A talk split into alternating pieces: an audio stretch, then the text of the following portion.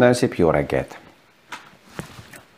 Ma reggel különlegesen az új hallgatókat is üdvözlöm, és rengeteg téma van, amit kézbe vehetnénk. Ez a hét már most előre nagyon teli van témákkal.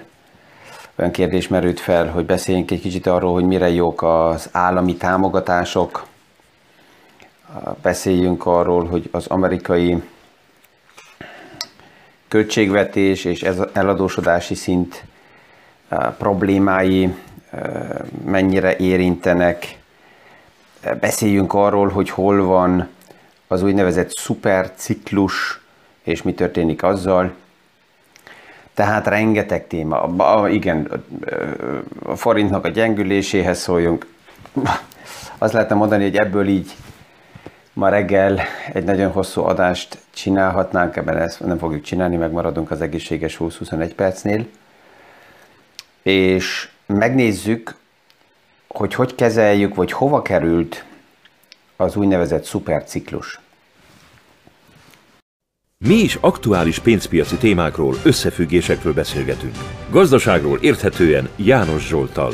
Üdvözlünk mindenkit a mai PFS Kávézac podcaston. Mielőtt ezt a témát ma kézbe veszem, így most már lehet sejteni, hogy ezen a héten mi minden vár ránk, tehát akinek a témák nem tetszenek, az már most időt nyert, mert akkor ezen a héten a podcastokat esetleg nem kell meghallgassa. Az új hallgatókat ma reggel azért üdvözlöm, mert a hétvégén érdekes volt, öt olyan beszélgetés alakult ki, amelyekben olyan kérdések merültek fel, amiről ott lehetett volna beszélgetni, de egyszerűen nem akartam beszélgetni. Élveztem azt, hogy egyet, egyszerűen csak hallgassak és meghallgassam az embereket, és uh, így a beszélgetésben jeleztem, hogy majd a jövő héten a reggeli podcastokba hasonló, vagy pont ezekről a témákról fogok beszélgetni a magyar és a német podcastokba. És persze jött a kérdés, hogy mi, mi ez a podcast, vagy miről szól. És ez azért is jó, mert az elmúlt években, mikor ki, miközben kialakultak a, a podcastok, különböző motivációk vagy indokok voltak a podcastok mögött, és állandóan azt elmondani, hogy mi volt évekkel ezelőtt, az már tényleg unalmas. Ezt nem akarja senki hallani. És a másik, hogy nagyon egyszerűen összefoglalni, hogy mi is a podcast. Az a verzió, ami pillanatnyilag aktuálisan a legjobban tetszik, az úgy, mint a neve is mondja, a kávézacból, tehát mindennapi témákat, mindennapi kérdéseket, plusz általános háttér információkkal úgy ellátni, hogy, hogy helyre tudjuk tenni, vagy legalábbis próbáljuk ezt meg, hogy ami aktuálisan a médiából zajlik, annak mennyi része a tömegirányítás, mennyi része a marketing, és mik a szakmai hátterei, tehát hogyha nem lenne ez a napi irányítás, akkor is az a bizonyos téma mennyire fontos, vagy mire fontos. És ami a legfontosabb, hogy itt a podcastokban semmilyen formában sem termék, konkrét termék ajánlás nem jön, sem reklám nincs. Ez a másik, ami legfontosabb. Tehát nem engedem azt, hogy bárki is itt uh, be ja, dumálja magát bizonyos megoldásokkal. Zó, akkor nézzük meg, hogy a szuperciklus ez mi is.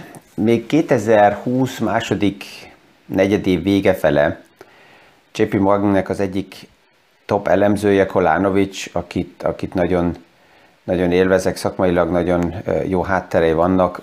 Persze, hogy ő az elemzéseit főleg a nagy hedge fundoknak állítja össze, ezért olyan az ára is, hogy az elemzéseket napi szinten megvenni az nagyon drága buli, de néha szerencsére a social médiába itt-ott információkat úgy ad ki, amire nagyon jól lehet alapozni, akár egy egész podcastot is. És Kolánovics akkor jelezte, hogy ő úgy érzi, hogy ha ma megnézzük, akkor egy bizonyos iparág a szuperciklus előtt áll.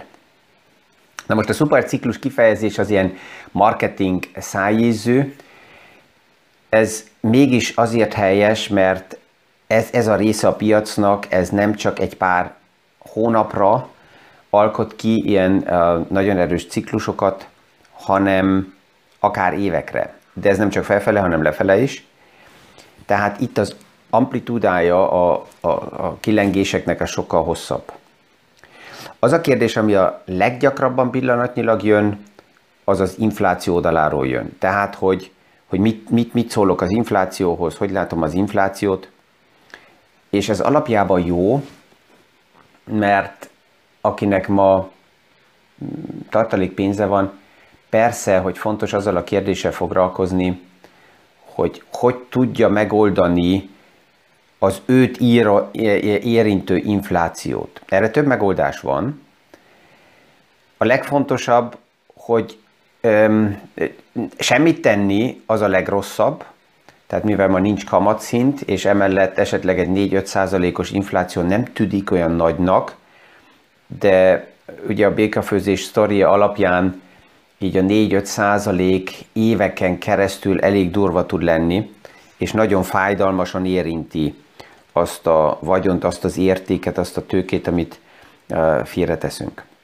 Tehát a, az inflációt, ha kézbe vesszük, akkor van egy lehetőség e pozícionálni magunkat, mint áldozatok, és nyavajogni, hogy oké, okay, az infláció rossz, és valaki összeesküvések szemszögéből az inflációt elindította ellenünk. A másik lehetőség, hogy olyan, a portfóliót olyan eszközökbe um, helyezzük el, vagy olyan eszközöket vásárolunk be, amelyek minimum az inflációt kompenzálják. Ez lenne a védekezési stratégia, tehát, hogy plusz-minusz nullánál tudjak lenni az inflációt, hogyha uh, belevontam. És van a harmadik, ami azt jelenti, hogy akár olyan iparágokat is belevenni, amelyek az inflációból profitálnak is. Tehát ez lehet a három megoldás az inflációval szembe, áldozatként magam pozícionálni, védekezni, vagy akár egy részével profitálni is. Mert ugye akkor is, hogyha van az infláció, akkor mi minden éremnek két, két oldala van, és um, vannak olyan részek a tőkepiacon, olyan, olyan uh, eszközök, amelyek profitálnak. Egy példa, amit sokszor erről hallunk, az például a részvények, a részvény alapok. Miért? Hát főleg azok az iparágak és azok a társaságok, azok a cégek, amelyek a retail fogyasztóval dolgoznak, hogyha ők árakat emelnek, akkor az azt jelenti, hogy ez növeli a forgalmát annak a cégnek. Persze érdemes az megnézni, hogy mennyire drágulnak a belső költségek, de vagy megmarad a nyereségi arány, az elmúlt évtizedekben azt láttuk, hogy az infláció hatása miatt a cégeknek, a vállalatoknak, a nagy részvénytársaságoknak a nyereség arányuk nem ugyanaz marad, hanem általában az infláció által is pluszban növekedett. Tehát, hogyha oda vagy van a befektetésemnek egy része, akkor az azt jelenti, hogy ez a mechanizmus az, az inflációt nekem tudja kompenzálni, mint befektetőnek, és persze, hogy ahhoz nyereséget kell elérjen az a, az a vállalat, az az iparág. Tehát érdemes a portfóliókat, főleg amikor az infláció megjelenik, abból a szempontból átvilágítani, hogy milyen iparágak vannak az én portfóliómban. Olyanok, amelyek főleg a jövő reményét árazzák be, és ez alacsony, alacsony infláció és alacsony kamat időszakban nagyon szárnyaltak, vegyük csak a nagyon veszteséges technológiai szektor, vagy startup szektorokat, vagy más hype kategóriákat. Ugye a tőzsdéről sokat beszélgettünk abból a szempontból, hogy az árfolyamok azok a jövő elvárását árazzák be. Ez bizonyos idő, időszakokban helyes, amikor nincsenek alternatívák, és amikor ez a vízió megmaradhat, de előbb-utóbb felteszi a tőzsde azt a kérdést, hogy oké okay, fiúk, de mikortól fogtok pénzt keresni? És akkor ez a hype nagyon durván meg tud állni. Csak nézzük meg az elmúlt években, amik ugye így kialakultak, az elmúlt év végén és az idén elején a nagyon erős hidrogén irányába áramló hype story, és az volt az érdekes, hogy mindig, amikor a csúcspontot kezdünk elérni egy bizonyos hype-ba, akkor nagyon erősen jönnek a kérdések, hogy mit szólok ehhez, mit szólok ahhoz, azt az iparágat most főtétlen meg kell venni. Egy pár évvel ezelőtt a cannabis story hasonló volt, a, a 3D nyomtatónak a, a sztoria ilyen volt, és amikor a tőkepiac szembenéz, az azt mondja, hogy oké, okay, um, van remény, de hol vannak a nyereségek, akkor nagyon hirtelen, úgy mint akár az idén is, ezek az iparágak aztán 60-70 százalékkal nagyon erősen tudnak uh, korrigálni. Tehát előbb-utóbb mindenütt New York, Tokió, uh, London, uh, Frankfurt, mindenütt felmerül az a kérdés, hogy oké, okay, megvan a vízió, megvan a remény, mikor fogtok pénzt keresni.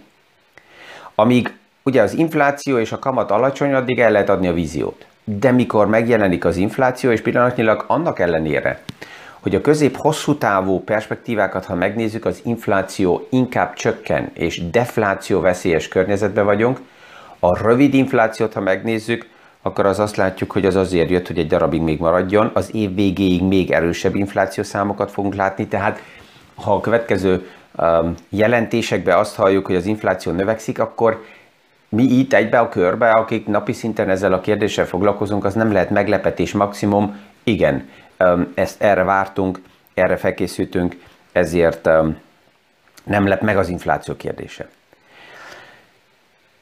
Az inflációt tudja kezelni annak, akinek nincs pénze, ott van egy lehetőség. Ő remélheti, hogy a szakszervezetek valamilyen formában most a tárgyalások ugye zajlanak a legtöbb regióba, elérik azt, hogy esetleg lesz egy fizetésnövelés.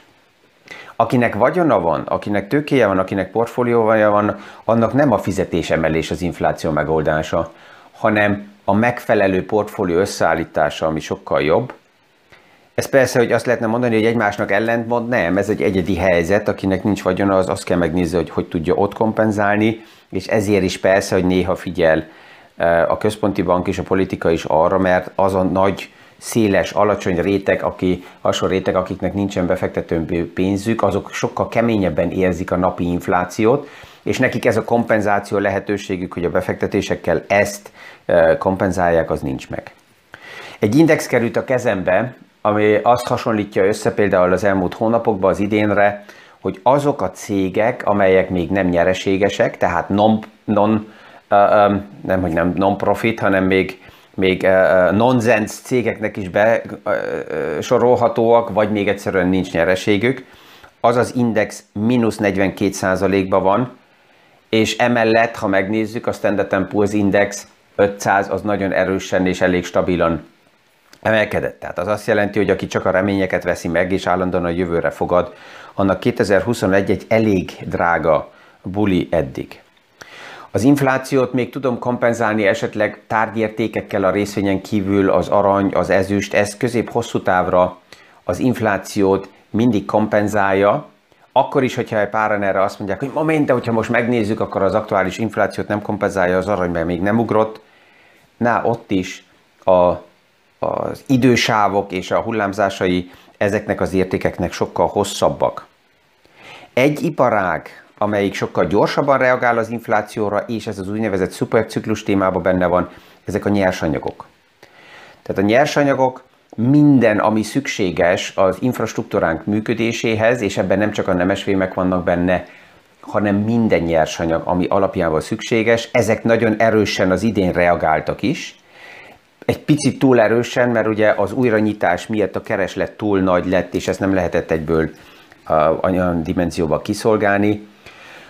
A szolgáltató iparágak adták ezt a leggyorsabban tovább, csak ha megnézzük ma például a McDonald'snak például a, a, és az egész fast food um, iparágnak a, az árait, akkor ők az idén, az éveleje óta már 10%-kal növelték a legtöbb devizákba az árakat, tehát itt az inflációra uh, előrefutóként is elég gyorsan reagáltak, és hát persze, hogyha ezt az iparágot tartom, és erről többször beszéltünk, hogy a pandémia megadta a vállalatoknak a lehetőséget belső struktúrákat átruházni, költségeket akár csökkenteni.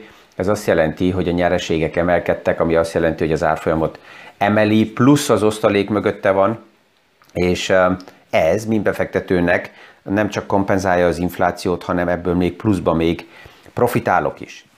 Tehát a nyersanyagiparág az, amelyik nagyon gyorsan reagál, ezért egy portfólióba az arab nyersanyagok, a bányák, azok az iparágak, amelyek az infrastruktúránkat alapanyaggal látják le, ezek is lényegesek, hogy benne legyenek, nem száz százalékba, annak ellenére, hogy most elég olcsón meg tudom őket venni, ez az iparág az, amelyik az elmúlt hónapokban vissza is korrigált par, különböző paraméterek miatt, erről sokat beszélgettünk, hogy Kínának meg volt a, a szabályzó lépése, de ez, ez a témakör, ez nem áll meg.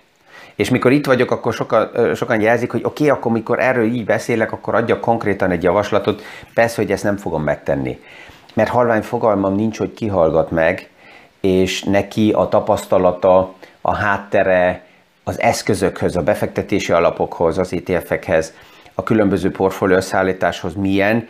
Ez, ez, ez egy olyan téma, ami, ami um, személyes és egyedi konzultációnak lehet csak a háttere. Tehát én is, és a, a PFS Partners kollégáink is szívesen rendelkezésre állnak, hogy egyedileg ezt megnézzük, hogy az ott esetleg már benne van-e a portfólióba. Ezt történt pont péntek délután is valakivel beszélgettem, és ő említette, hogy mi az a téma, ami őt pillanatnyilag foglalkoztassa, és azután megnéztük az összportfóliójában, nagyon mélyen belenéztünk az elemzésekbe, hogy milyen, milyen konkrét iparágak vannak benne, és rájöttünk, hogy már rég benne van. És akkor meg is nyugodott, és azt mondta, hogy aha, oké, akkor, akkor ezt eddig így én nem is láttam, de akkor jó volt, mert akkor nem kell kapkodni. Pont ezt látom fontosnak, hogy egyedileg ezt megnézni. Tehát, hogyha visszakerülünk a szupaciklushoz, akkor ennek a szupaciklusnak, főleg a nyersanyagok oldaláról az, az infláció az egyik fontos hajtóereje, mert erre nagyon gyorsan reagálnak. A második, a két fő nagy gazdaságnak a növekedése, A Kína, amelyik a saját növekedéséhez rá van utalva a nyersanyagokra, és itt nem csak a belső kínai növekedésről beszélek, hanem az egész um, um, globális ázsiai infrastruktúra kiépítése, ez a, a Seidenstraße, tehát a nem tudom, hogy magyarul így mondják, a Sem, út, a Sem útnak a, a, a kiépítése, az rengeteg infrastruktúra vagy nyersanyagra rá van utalva, az egész afrikai szektornak a kiépítése, ahol a nyersanyagok még részbe közelebb is vannak. Az amerikai infrastruktúra program erre épül fel, és főleg Amerika egy érdekes sztori, mert ott nem azért kell a nyersanyag és az infrastruktúra investíció, mert növekedni szeretnének, hanem azért, mert le vannak maradva. Ha valaki New Yorkba sétál, akkor az az, az érzése néha, hogy Európának a 40-es éveibe van, mert infrastruktúrálisan tényleg egy katasztrófa, ami ott van, és Joe Bidennek a, a játéka az infrastruktúra, infrastruktúra programmal pont ezért megy ebbe az irányba. És a harmadik, ami nagyon erős hajtó a nyersanyagoknál, az az egész Green Deal story. Ez most teljesen mindegy, hogy ki hogy áll a Green Deal témához. Ez egy eldöntött story, amit látunk, hogy megy előre, és egyre, egyre szélesebben az emberek el is fogadják. A zöld erők erősödnek mindenütt Európába. Az egész e-mobilitási téma jön, még egyszer, mindegy, hogy hogy állunk hozzá, ez egy eldöntött sztori, és ehhez kellenek a nyersanyagok. Tehát, hogyha valaki ma egészségesen a portfóliót összeállítja, akkor szerintem itt egy, egy, egy picit néha pont ezzel érdemes távol tartani magunkat attól, hogy most tetszik a, a felülíró elv nekem, vagy nem. El kell döntsem, hogy mit akarok a, a portfóliómmal. És ezért ez a három téma nagyon erősen hajtja pont ezt a ciklust a nyersanyagi témakörökbe. Tovább is ez nem azt jelenti, hogy most 100%-ot áthelyezni ebbe a ebbe a témakörbe nem, hanem mint szatelitet kezelve, attól függ, hogy mekkora a portfólió összességébe, 3, 5, lehet, hogy 7% akár egy ilyen szatellit ki tud tenni, és ezt megnézni, hogy milyen eszközökön keresztül tudom ezt bevásárolni a portfólióba. Tehát, hogyha összefoglaljuk a, a szupaciklusnak a kompenzáció erejét, akkor az első, amibe a ez, ez az iparágnak a szupaciklusa segít az infláció ellen az, az árfolyamokon keresztül, vagy csak kompenzálja az inflációt, mert az árak mennek fel, az árak mivel mennek fel a fogyasztó oldaláról, kvázi ki van fizetve a cégnek az infláció, a második a profitjai a cégeknek ilyen emeléseknél tudnak emelkedni, ami a nyár, az árfolyamban megjelenik, és plusz ha olyan vállalatok, olyan iparág van a portfóliómban, amelyik osztalékot fizet ki, akkor ezen keresztül még egyszer kompenzálok, és egyet el tudunk fogadni, a cégeknek a, feladata az, és a menedzsereknek, hogy bármilyen környezet van, ők úgy kell alakítsák a cégeknek a működését, hogy minden esetre nyereségesek legyenek. Pont. És ez az, amit mint befektető, persze, hogy a portfóliómban ebből a szempontból uh, be tudom ide építeni, be tudom vásárolni, és lehet, hogy erről még a következő években sokat fogunk hallani, amikor a médiában újra elindul egy szuper ciklusnak a, a vízhangja, akkor majd fogunk azon gondolkozni, hogy ezt a részét a portfóliónak lehet, hogy érdemes csökkenteni, mert akkor már lejárt a sztori, és akkor nyugodtan el kell adni azoknak ö, a nyereségünket, nem, azok meg kell nyugodtan fizessék a nyereséget, akik későn jönnek a partira, de hát ez mindig így van, aki későn jön, az el kell majd mosogasson. Um, ezzel remélem, hogy ma reggel is uh, jó témát választottam ki. A podcast kezdete előtt még nem döntöttem el, hogy melyik témáról fogok beszélgetni, de így, hogy fel, felolvastam, hogy milyen témák vannak az asztalon, ezért hirtelen így a szupa ciklusba döntöttem ma, ezt ezzel erre a hétre megoldottuk, és a többi témák jöhetnek a következő napokba. Mint mindig, megköszönöm mindenkinek az idejét, a figyelmét, ha még van annyi idő, akkor a lájkot és a megosztását, vagy a továbbajánlását. A kérdését, ezeket beépítjük, vagy itt a magyar podcastba, vagy akár néha a német podcastba, és hónap este lesz az ESG-vel kapcsolatos német a divány beszélgetés, a november, nem, október 19-én a magyar divány beszélgetés. Szerdán aktuális rövid videót veszünk fel a jelentős kérdésekre, melyek az ügyfelek oldaláról jönnek. Jó, és ezzel kellemes hetet kívánok mindenkinek. Viszont látásra, viszont hallásra, főleg egészségesen viszont hallásra, a hónap reggeli kávézatsz podcastban. Mi is aktuális pénzpiaci témákról, összefüggésekről beszélgetünk. Gazdaságról érthetően János Zsoltal. Üdvözlünk mindenkit a mai PFS Kávézac podcaston!